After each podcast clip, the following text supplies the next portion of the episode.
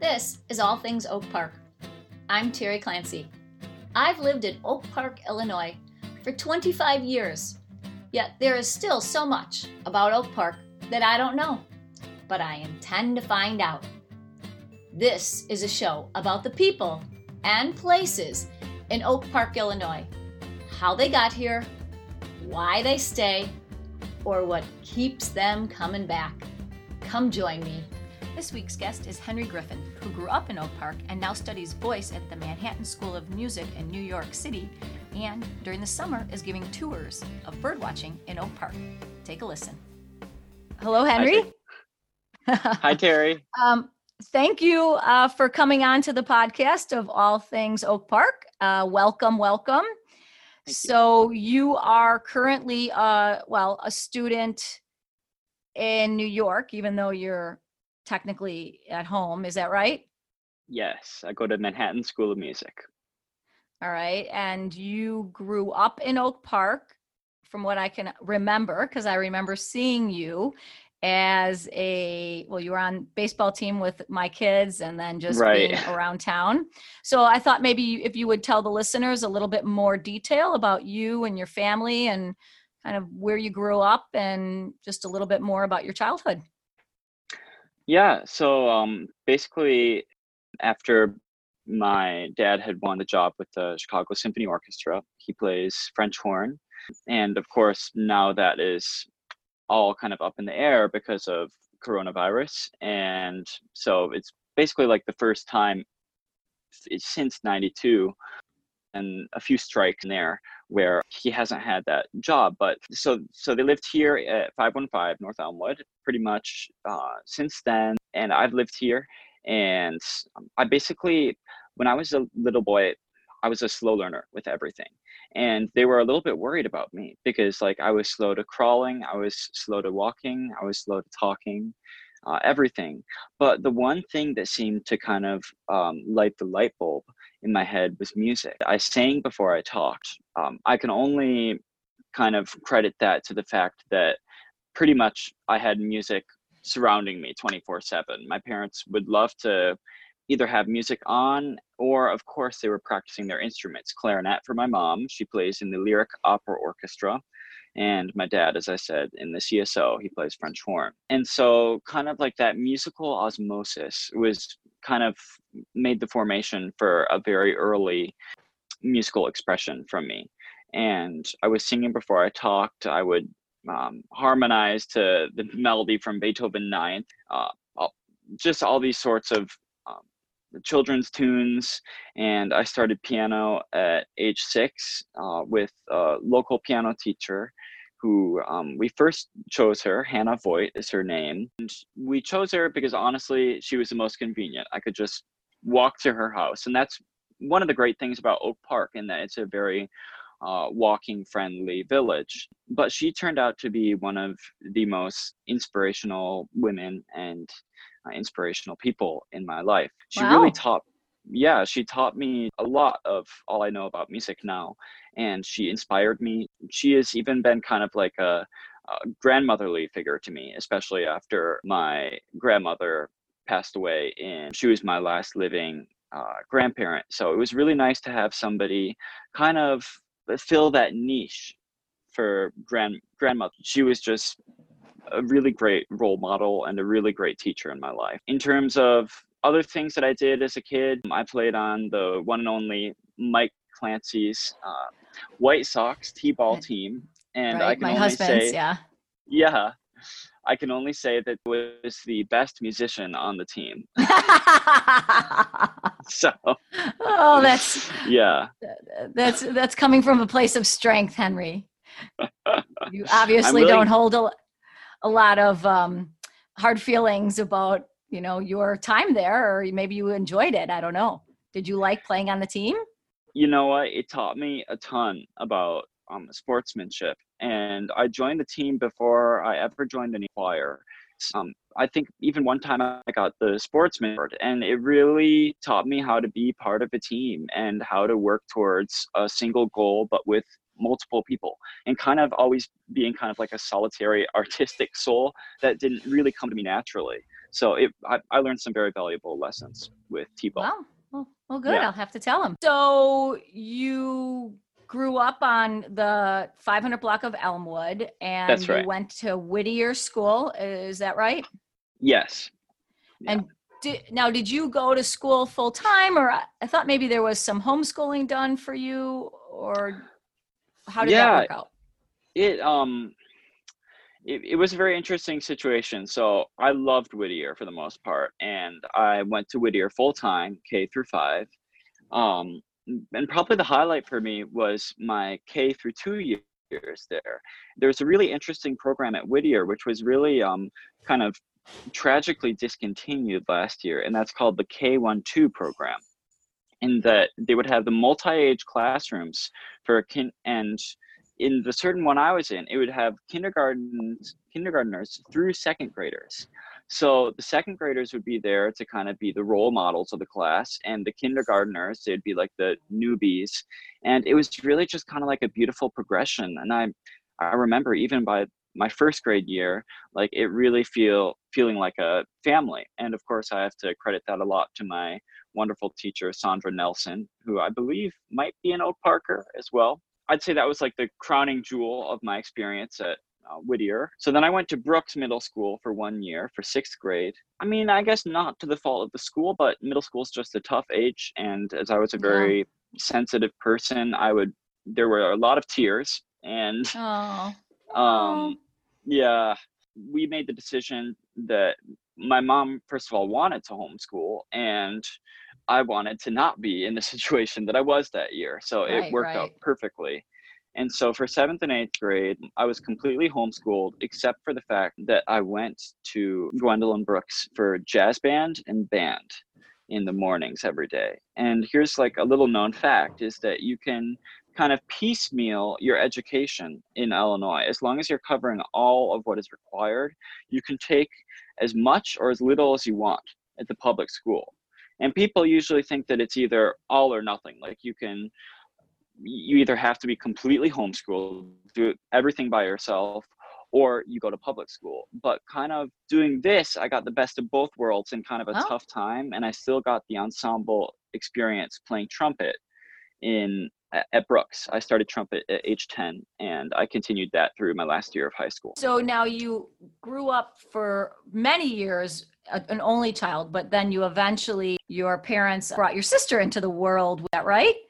And so what with Pearl, right? So wh- how old were you when Pearl came o- into your world? Um, so I would have been eight years old, but one thing that is pertinent to the story is that I was five when I learned that um, Pearl would be a part of our family. Well, at that point, we didn't even know it would be Pearl. We just knew that we were going to adopt from China. There was a huge process, and my parents told me that I could be the first person to tell um, my grandparents, my mom's parents, that we would be adopting my sister. I was so excited to tell them. I was maybe five or six at the time, and we were at our uh, lake cottage in Michigan at the time. And my grandpa and grandma and all of us were like sitting around a table in this cottage, and and so my parents said something like, "Well, Henry, do you want to tell the big news?" And I was so excited that I kind of like buried my face into a pillow and said, "We're gonna adopt a baby sister from China." well, that's fun. Yeah, and my grandma, who's usually hard of hearing, she was the one to hear it. And she did this. Like her eyes popped out of her head. And my grandpa was like, What was that? And so it, Well, that's that was just, yeah, super fun. And then I have to say, the most special day of my entire life was the day I got to meet my sister. Now, my parents did not take me to China to adopt her because they knew that would be a complete nightmare. I would be wanting attention and I would be jet lagged and I would just be hellish to deal with.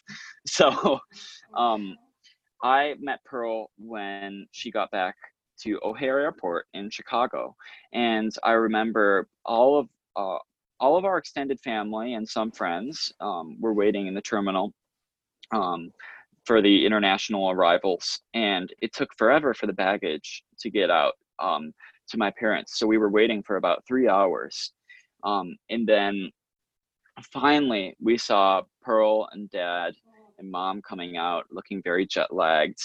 Um, and then immediately I scooped up Pearl into my arms, and I just have to say there's there's something so special about that. I mean, she she had finally basically come home because I like to say home is where family is, and um, it, it, it was the day I met my sister, and I remember the first thing she did was she touched my big nose. so, well, good. Yeah. So I know you talked about music and learning from your music teacher as far yeah. as piano is concerned, but I know I have heard you many a time singing in uh, in church, and then also singing opera, or at least I I think I've seen heard you singing opera. So how right. did you get involved in singing and and more specifically in opera? Right. Well, I have a lot to credit to this one incredible organization downtown called the Chicago Children's Choir. And I joined when I was nine years old, and I sang in the ensemble for nine years. So there are multiple tiers to the ensemble. Nowadays, it serves 5,000 children through the city.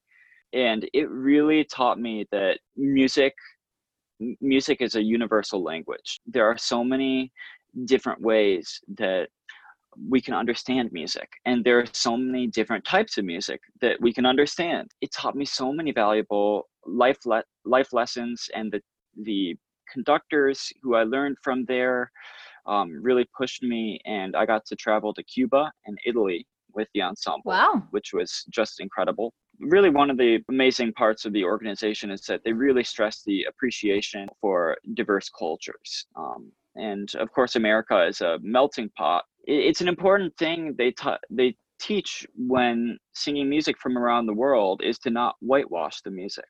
One thing that happens is that in a lot of choirs nowadays, there are these westernized arrangements of music from around the world. That will happen in almost any choir in this country. But Chicago Children's Choir makes a concerted effort to perform the pieces in their original way um, that was intended for them, usually with dance from their native country, and that was just something that really it really um, resounded with me. Another amazing thing that happened through the choir was the ability to cl- collaborate with the lyric opera and sing for um, two operas there, Boris Godunov by Mussorgsky, La Boheme by Puccini. Those were some of the most incredible um, experiences of my entire life. Just being on stage in front of thousands of people and wow. singing my my heart out with some of my best friends, and yet also with these incredible opera stars, including Anna Netrebko, an extremely famous soprano. And just having that exposure at such a young age was second to none. And CCC really goes out of their way to um, give an equal opportunity to people of all backgrounds in Chicago. They they subsidize uh, those who come from lower income families, so it's the education is accessible to all kids, and I just think that is extremely poignant and needed in yeah. well, what is known as the most segregated city in the country. And another thing that CCC really um, uh, it is set up for me was I I had the uh, immense honor to solo with the Chicago Symphony Orchestra a few times in pieces such as uh, the Magic Flute. I sang in a boy soprano trio, or, or Mendelssohn's Oratorio, um, Elijah. There's a boy solo in there. So to get those professional experiences soloing at a young age was just something that I am forever humble and grateful for. And that well, is what that really is, yeah, inspired my singing. Launched yeah. you. Yeah. And that's what yeah. you're majoring in in college right now is yes. singing. So I know that you w- went to Oak Park River Forest High School at least part time. Is that right? Yes. So once I got to high school, I continued doing band and jazz band at high school with the wonderful director um, Tony Sveda, who is a Oak Parker. I also took history and science, driver's education, and some of those ones that you obviously can't do at home. And then my mom taught me uh, English and mathematics. Uh, homeschooled. So we still did kind of like a, a half and half in high school. Well, that's pretty cool. I know you have a, a, hobby that's pretty unusual for most people, let alone somebody as young as yourself. At least I think so. Mm-hmm. And that is bird watching. I don't know much about it, but I understand that you are pretty interested in it and maybe even you maybe even have tours or some kind of a mm-hmm. little business that's set up uh, as a bird watcher. So can you explain a little bit about that and tell us how you got started? Yeah, so um, my dad gifted me this um this app called iBird Pro, and it's basically like a bird guide but for the iPad, and that was back in 2012, and it just kind of sat dormant on my iPad for a few weeks, um, but then all of a sudden I saw a Cooper's hawk fly. Of course, I didn't know what it was at the time, um, and it flew into my backyard. This was February 2012, and I thought, hmm, I'll look in this app and see if I can figure out what it was. And I looked up the call, I looked up what it looked like, that sort of thing, and I and the identification process of this bird was what really got me interested in birding. There's there's just something about knowing what's out there. Like it's basically like experiencing a whole new world. Like uh, most Oak Parkers won't know that nearly 200 species of bird can be found in Oak Park surrounding areas every year. Really? I wow. Mean, still, yeah, I, I, think I think that's crazy. Today I got uh, almost 40 species just in an hour of birding outside my house. Really, kind of that identification process that as weird as it sounds, kind of provided an adrenaline rush for me. It was like super exciting. And so I wouldn't even call it a hobby. It quickly became an obsession. And so, yeah. So now, especially for somebody OCD like me, OCD people are particularly prone to enjoy birder, birding because birders love to make lists of birds they see and they like to be very uh, particular when identifying. They, they can't have anything wrong. It has to be the correct gender. It has to be the it has to be the correct plumage. You have to get everything right in your identification. I really got interested in birding. I got to travel around the world with my family a few times, and of course that just um, even further expanded my love for birding. And like you mentioned, I lead Oak Park Bird Walks, and this is a uh, not for profit venture. I um, usually lead everybody on about a 90 walk 90 minute walk usually about twice or thrice a week because wow. i basically don't have a schedule. I'm leading one pretty much every day until the end of may and they start from my house. They alternate between 5 p.m and 7 a.m so that i can have some days to sleep in. That's a lot of bird yeah. watching. Oh yeah. I go i go bird watching every day um, except for those days that uh, that are rainy or stormy or any of that. Uh, to to give you an idea of um, how obsessive this is for me, I went around Cook County today to try to see as many birds as I could, and I got 108 different birds in one day because this is the height of bird migration. I mean, yeah, May 15th is like the peak the best time of year, even better than fall because the birds are all in their bright mating colors and they're singing and it's just wonderful. Uh, yeah, so back to Oak Park Bird Walks. Um, and then what I do is I collect donations through those walks and I donate it to a conservation agency like the Rainforest Trust or um, some agency that works to protect habitat for birds and other wildlife. Um, because I feel like that can be a way in which I can actively help the environment um, while going out and loving and appreciating it as I do.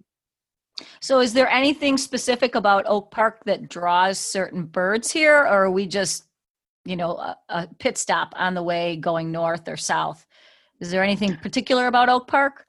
Well, I think it's a combination. Any place with a lot of trees and with good understory and to an extent with bird feeders will provide good pit stops for migrating birds and there's one thing in particular at Oak Park is, the big elm and oak trees. Um, migrating birds are really attracted to those trees because of the insects that can be found in the leaves, buds, and uh, bark of the, those trees. And if you were to look around um, the surrounding neighborhoods of Oak Park, with the exception of River Forest, if you go to Berwyn, Galewood, Austin, there are fewer tall trees, and so it's kind of a treeless desert in a way. Oh, And so when migra- yeah, when migrating over, the birds are attracted to Oak Park, and so that's what makes it, um, in some ways, a magnet for migrating birds. Really? That's very interesting. So, is Yeah. there a bird that you have seen here that you've never seen again? I mean, does that happen all the time that you'll see one species of a bird here and and then you don't see it again? That absolutely does happen. Yeah. Um, one species in particular that I got here one spring and then I never saw here again. Um, it was on the same day, and I saw two birds called a Connecticut warbler. And we're solidly in their range, but this is one bird that is so uncommon and so shy that people seldom ever see it. And when you really do see it, it's quite a sensation. And I saw it in the alley, in the alley right next to Taylor Park between Berkshire and Division, uh, the uh, straddling on the north south, and between Fair Oaks and Elmwood, uh, west and east uh, sides. The Oak Park alleys really tend to draw birds because they're quieter than the streets and they have more understory for the birds to hide in. And so, with that Connecticut warbler, that was one of those birds that was taking advantage of that understory and good migration habitat.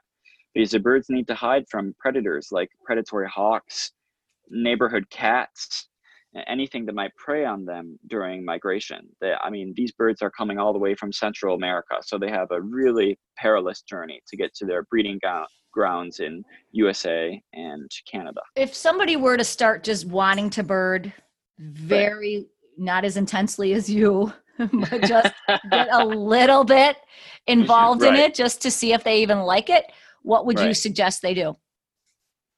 Well, if you're an Oak Parker, I'd totally suggest come on my bird walks because I make them very tailored to beginner to intermediate birders. Secondly, either get a zoom camera or especially a pair of binoculars. I'm weird in that I don't use binoculars. I use a Nikon P1000 camera. It has a better zoom than binoculars. So I figure why have the two things? I've always birded like that and people make fun of me for being a birder without binoculars, but I get just as good birds as the other great birders. So, um, but yeah, either get binoculars or a good zoom camera and really just start looking and listening. That's what I'd have to say. How many species of birds have you seen in your lifetime? What's your do you have a number? Is that something bird watchers keep track of? What's your oh, number? Oh yeah. Uh, for the world, it's 1,115. That's great. So you said that you went you go to school in New York uh, Yes. for music. Mhm. What are you hoping to do with your degree once you receive it? Yeah, so um I my degree is classical voice. So basically I'm training my voice to be an opera singer. Um and at my age I should by all means not be performing in operas um quite yet. Uh or at least not big roles because um that can tire out the voice. And just one interesting tidbit. You see all of the pop stars and stuff, they're all 20 years old, 30 if they're lucky and then you don't see them again really and that's because they tire out their voices and opera singers what we learn to do is we learn to produce sound without microphone and so that is using um, using our voice in a healthy manner not using this but using our air. And really it's kind of an athletic thing. And that's basically what i'm being trained to do now is to have the stamina. So when i am 50 when i am 60 i can still be up on stage performing and resonating to the back of uh, an opera hall. And so my goal one day is to be on stage at the lyric or the met or la scala or where have you um, singing puccini and mozart and britten and any any of the great opera repertoire that's out there Well, I hope you make it. Is that is that i hope a so too difficult thing to do? I don't know much about opera, but I would think it would now. be, right? yeah especially now with coronavirus everything is up in the air for the performing arts i oh, mean Right.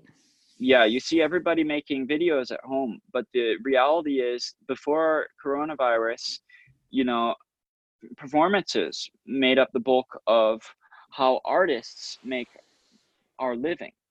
and so it's just very scary like it's is this is there going to be a new status quo of less concert attendance or when the coronavirus when there's a vaccine when we can get back to normal per se um, will there be a boom in concert attending because people will be missing it and realizing how amazing uh, it is.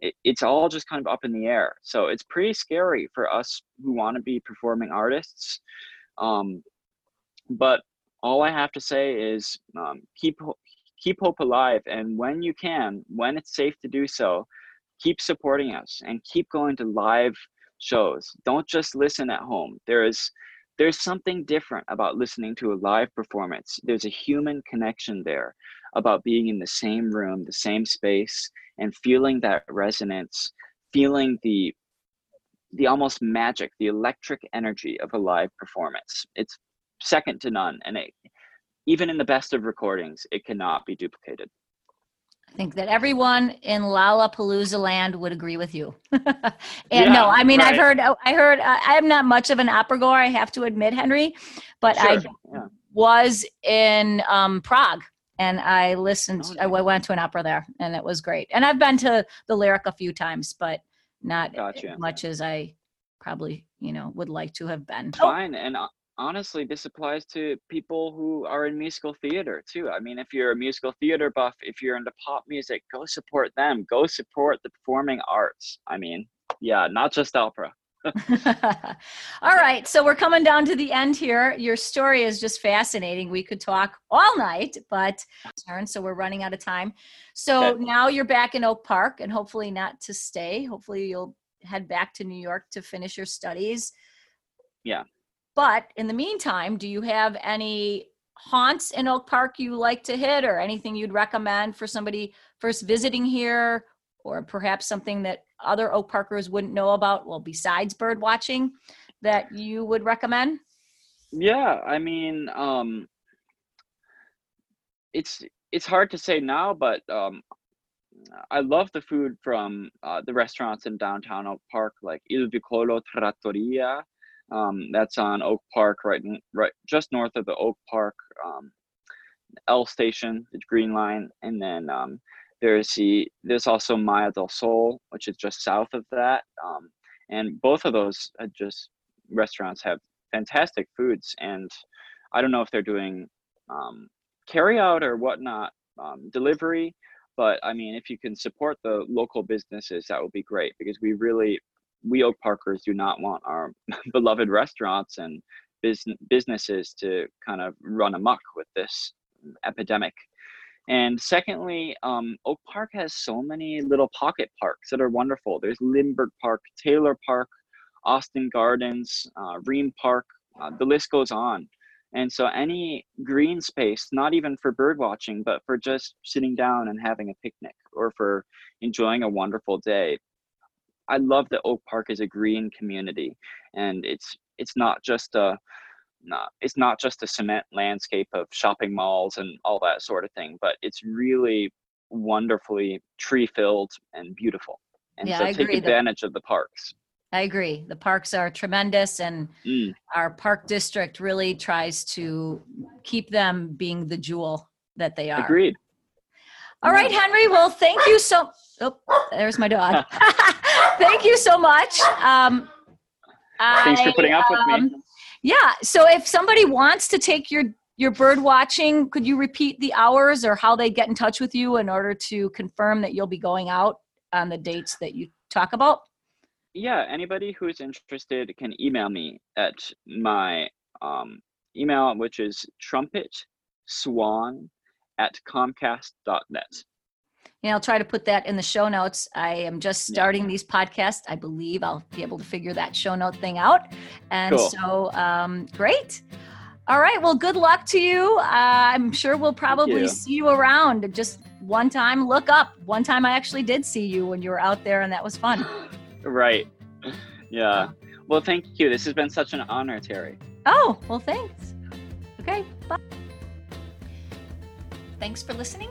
If you want to contact me, head over to my website, Teresa Clancy Law. All my contact information can be found there. Until next time, seize the day.